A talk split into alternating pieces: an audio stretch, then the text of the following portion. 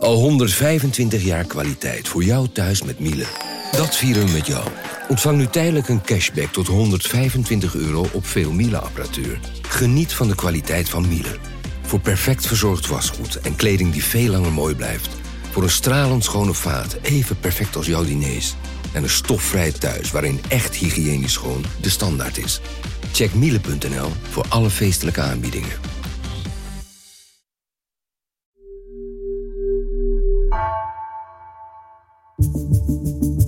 Vanaf de redactie van NRC het verhaal van vandaag.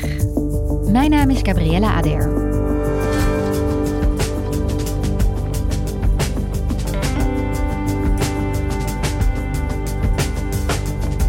Nederland heeft deze winter te maken met een bijbelse hoeveelheid regen en een harde westenwind. Met als resultaat: Nederland is tot aan de rand toe gevuld met water. En dat water kan nergens heen. Redacteur Hans Steketee zag bij het IJsselmeer wat de gevolgen zijn van deze hoge waterstand. Zijn we hier wel tegen opgewassen?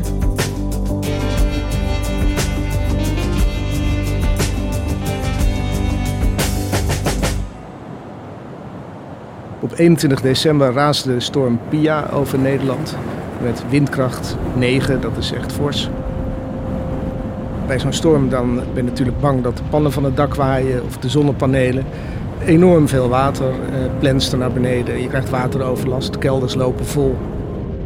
En de zee staat extreem hoog. Ik woon zelf eh, aan de kust en de zee kwam echt tot aan de duinen. Er was gewoon geen strand meer over. Hier in Egmond aan Zee was het gisteravond spannend. De golven zouden misschien te ver komen en het dorp instromen. Sinds Pia heeft het eigenlijk heel vaak hard gewaaid. Steeds een lange aaneengesloten periode van heel veel wind. En, en dat is belangrijk, heel veel regen achter elkaar. Nou, dat hebben we gemerkt, ja. De harde wind vanuit het westen en de hevige regenval in het oosten zorgen ervoor dat het water in onze rivieren flink hoger staat dan normaal. Ondergelopen kelders in Arnhem, een stier in Limburg die geen kant meer op kan en dit is Deventer. Als het water hier nog 10 centimeter stijgt, stroomt de rivier over. En volgens Rijkswaterstaat wordt de hoogste stand in de Maas over een uurtje verwacht.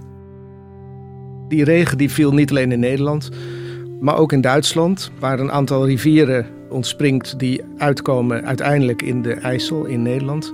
En dat opgeteld met het water dat eh, viel in Friesland en Drenthe en uh, Overijssel en Gelderland, dat kwam allemaal in de IJssel. En de IJssel die is normaal niet zo'n hele brede rivier, maar die zwol tot enorme proporties.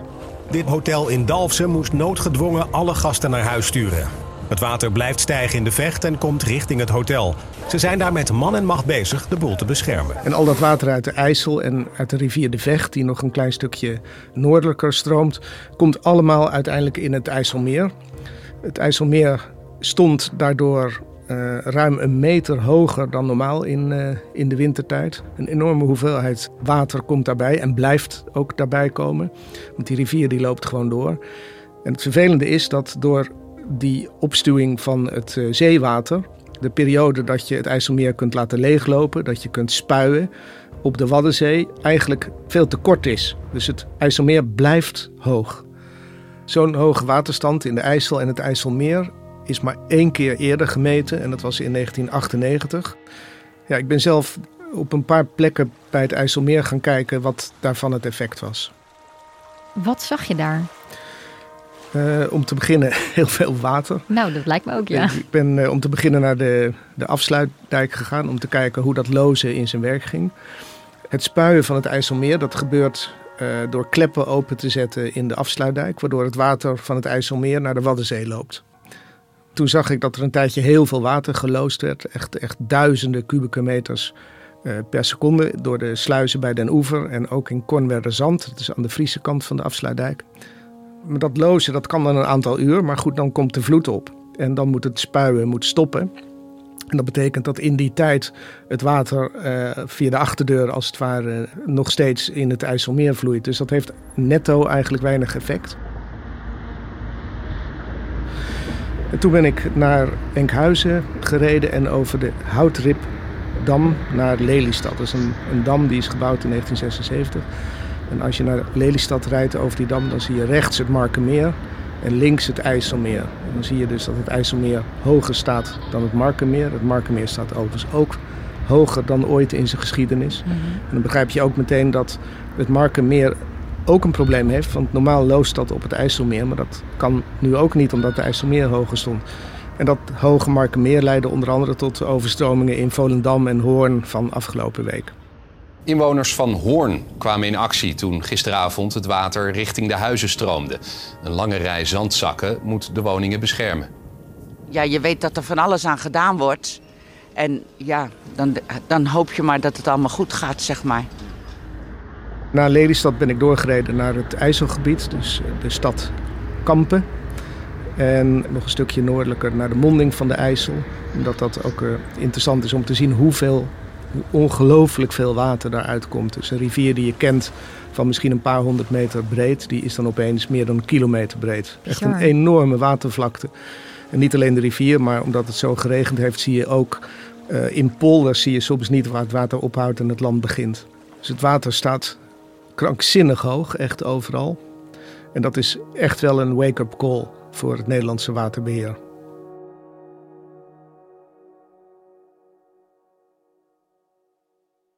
Ja, en wat ik dan denk, Nederland, waterland, we hebben wel vaker te maken gehad met hoogwater, toch? Zijn we dan niet voorbereid op dit soort situaties in Nederland? Nou ja, je kan natuurlijk zeggen Nederland en de strijd tegen het water zijn ongeveer even oud.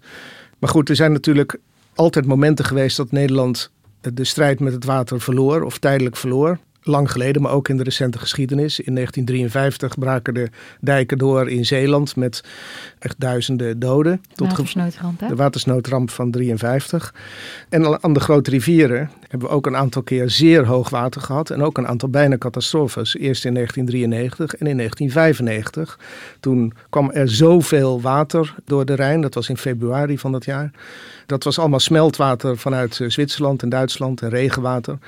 Toen had je echt een piekafvoer. Dat was de één na hoogste waterstand in de Rijn ooit gemeten. 16,5 meter boven NAP. 13 miljoen kubieke meter per seconde.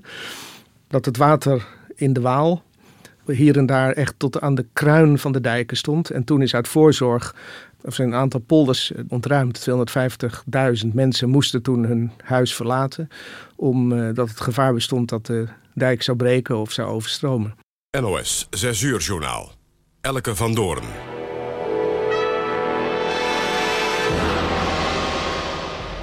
Nieuwe massavlucht voor hoogwater. Kok belooft deltaplan rivieren. Situatie Limburg blijft kritiek. Goedenavond. De provincie Gelderland gaat nog eens 100.000 mensen evacueren uit gebieden die door het hoge water worden bedreigd. Uit de drie eerder bedreigde gebieden bij Maas en Waal zijn de meeste mensen nu vertrokken.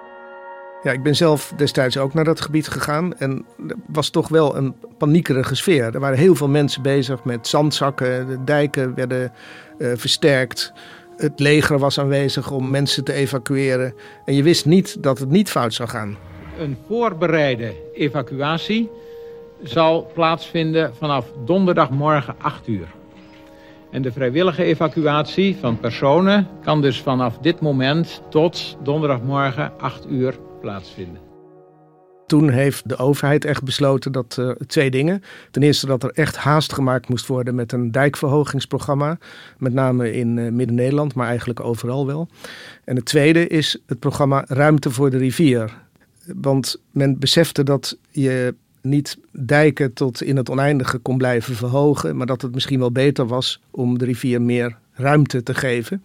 Dat programma bestond uit het creëren van overloopgebieden, het afsnijden van bochten, uh, het graven van extra geulen, waardoor het water eigenlijk makkelijker weg kan komen. Dus er werd echt letterlijk meer ruimte gemaakt voor de rivier. Ja, de rivier werd eigenlijk breder gemaakt, zodat het water sneller kan afvloeien naar zee of naar het, uh, naar het IJsselmeer. En het programma is een aantal jaar geleden voltooid. En een van de laatste onderdelen van dat Ruimte voor de Rivierenprogramma, dat is het Revendiep. Dat is een, uh, een geul die is gegraven, of in ieder geval verbreed, ten zuiden van Kampen. En die moet ervoor zorgen dat als het water in de IJssel boven een bepaalde hoogte uitkomt, dan uh, loopt het via die geul naar de randmeren rond Kampen heen en die haalt het water uit de IJssel. Nou, deze week ging dat Revendiep voor het eerst meelopen, zoals uh, waterbeheerders zeggen. En het was een van de plekken waar de rivier de afgelopen tijd de extra ruimte die gecreëerd is ook echt gebruikt heeft, moest gebruiken. En dat heeft voorkomen dat dit hoogwater uh, rampzalig afliep.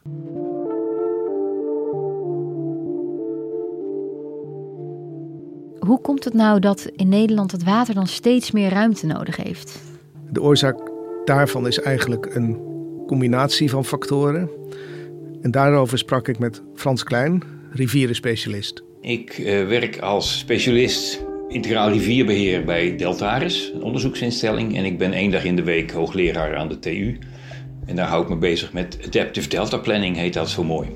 Dat is eigenlijk uh, je voorbereiden op een toekomst waarbij het klimaat verandert en uh, de bevolking groeit en de economie groeit. En we zullen moeten leven met die effecten van die klimaatverandering. Je begint echt te merken dat klimaatverandering van invloed is. Dat zie je in het optreden van meer en krachtiger stormen dan vroeger. Je ziet het in zware regenval. Uh, echt felle buien, dat is echt iets wat klimaatwetenschappers voorspeld hebben en dat komt nu uit. Nou, het zegt dat wel, hè, deze winter. Ja, en je krijgt uh, ook meer smeltwater en regenwater uit de omliggende landen. Het is die, die flash floods die we in 2021 in uh, Limburg gehad hebben, dat was ook één op één hiermee te maken. Wat je nu ziet is een combinatie van effecten. Dus dat is de, de afvoer via de rivier. Dat is het blokkeren van de afvoer doordat de Noordzee hoog staat en het water uit het IJsselmeer niet weg kan. En dan natuurlijk de aanhoudende regen in het oosten van Nederland. Dat noemen we dan tegenwoordig een, compound event, een, een samenloop van omstandigheden in goed Nederlands. Dat zijn dus eigenlijk drie situaties die we alle drie afzonderlijk makkelijk aankunnen, maar die met elkaar toch best hoogwater op de IJssel met name veroorzaakten. En dat is wel een nieuwe situatie. Want vroeger keken waterbouwers vooral naar uh, individuele omstandigheden. Nou, bijvoorbeeld is een dijk hoog genoeg of sterk genoeg? Of wat is de kracht die een stuw kan weerstaan? Maar nu moet je echt kijken naar die uh, factoren in samenspel. Die toch kunnen zorgen voor langdurige nadelige effecten in een, een groot deel van Nederland. Dus vanaf, uh, vanuit de Betuwe tot aan de kust. En wat we nu zien van Deventer tot aan, tot aan de Waddenzee. Nou, dat schetst ook wel het grote probleem van het Delta-programma. Want ja, het komt van alle kanten en misschien ook nog wel van onderen. Want we hebben ook toenemende kwel naarmate ons land verder wegzakt en de zee hoger komt te staan. En hoe wordt er dan omgegaan met die nieuwe dreiging?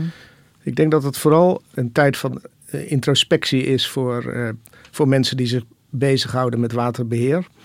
Je hebt daar twee bloedgroepen van ouds. Je hebt natuurlijk de ingenieurs die zich uh, bezighouden met, uh, met de technische kant van de zaak. Die vertrouwen echt op, op hoogwaardige en steeds slimmere technologie om het water in bedwang te houden en te temmen. En de, de tweede groep, ik denk dat iemand als Frans Klein daar deel van uitmaakt, die is meer van het accommoderen van het water, dat ruimte voor de rivier, betekent in feite dat je het water niet tot elke prijs gaat bestrijden, maar dat je tot op zekere hoogte meeleunt met het water, dat je het water uh, een uitweg biedt. En mensen die denken zoals uh, Frans Klein, die vinden dat je niet eindeloos op, op techniek kan vertrouwen.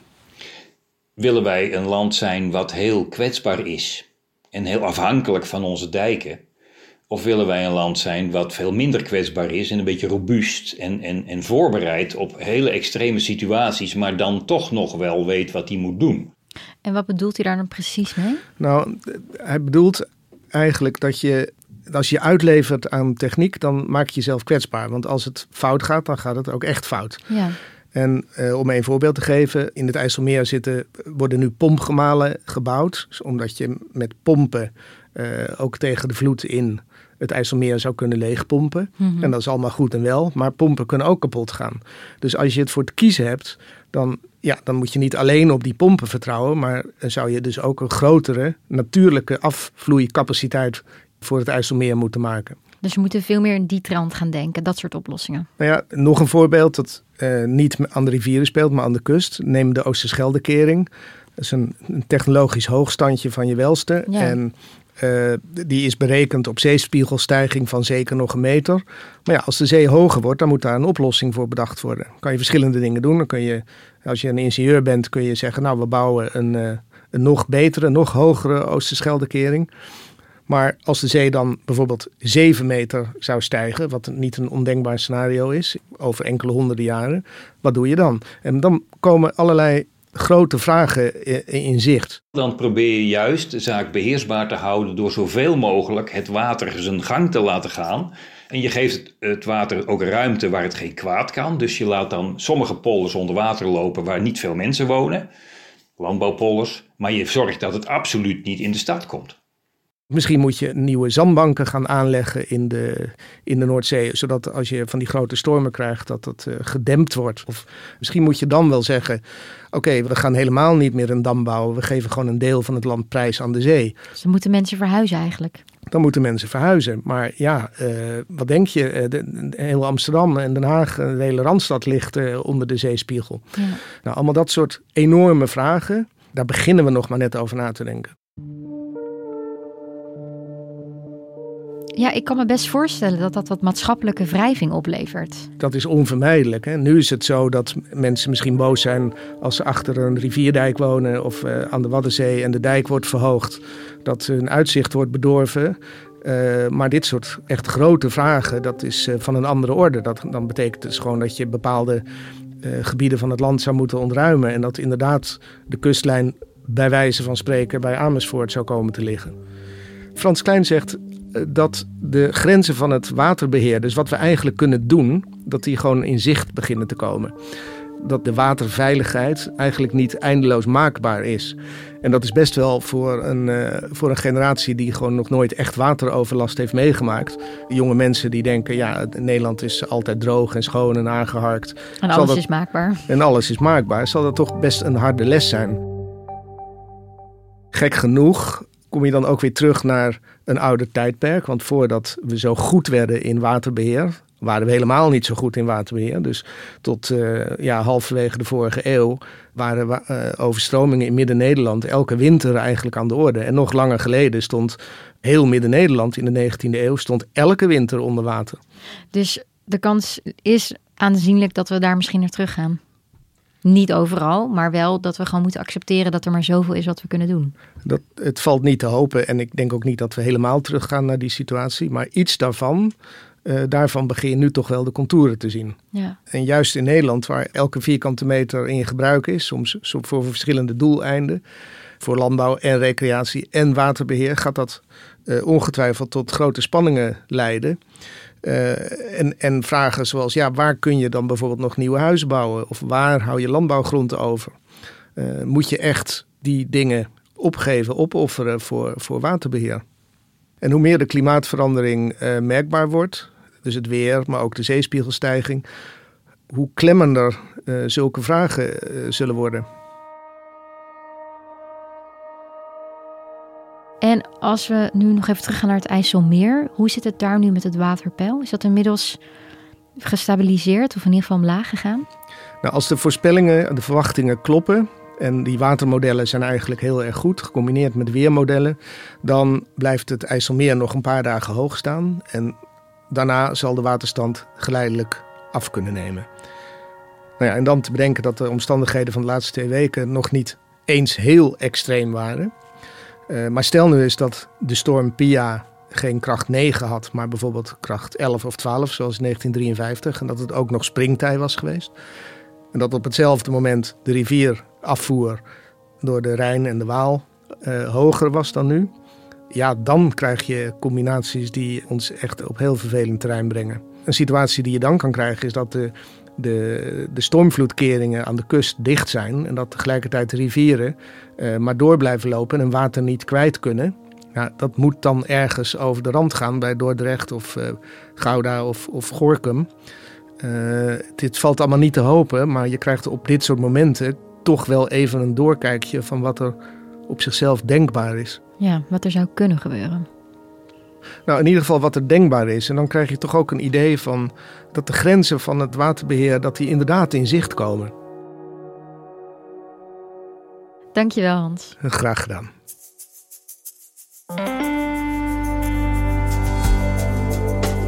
Je luisterde naar vandaag, een podcast van NRC. Eén verhaal, elke dag. Deze aflevering werd gemaakt door Ignaas Schoot, Iris Verhulsdonk, Esme Dirks Miele Marie Bleeksma en Jan-Paul de Bond. Coördinatie Henk Ruigrok van de Werven. Dit was vandaag, morgen weer.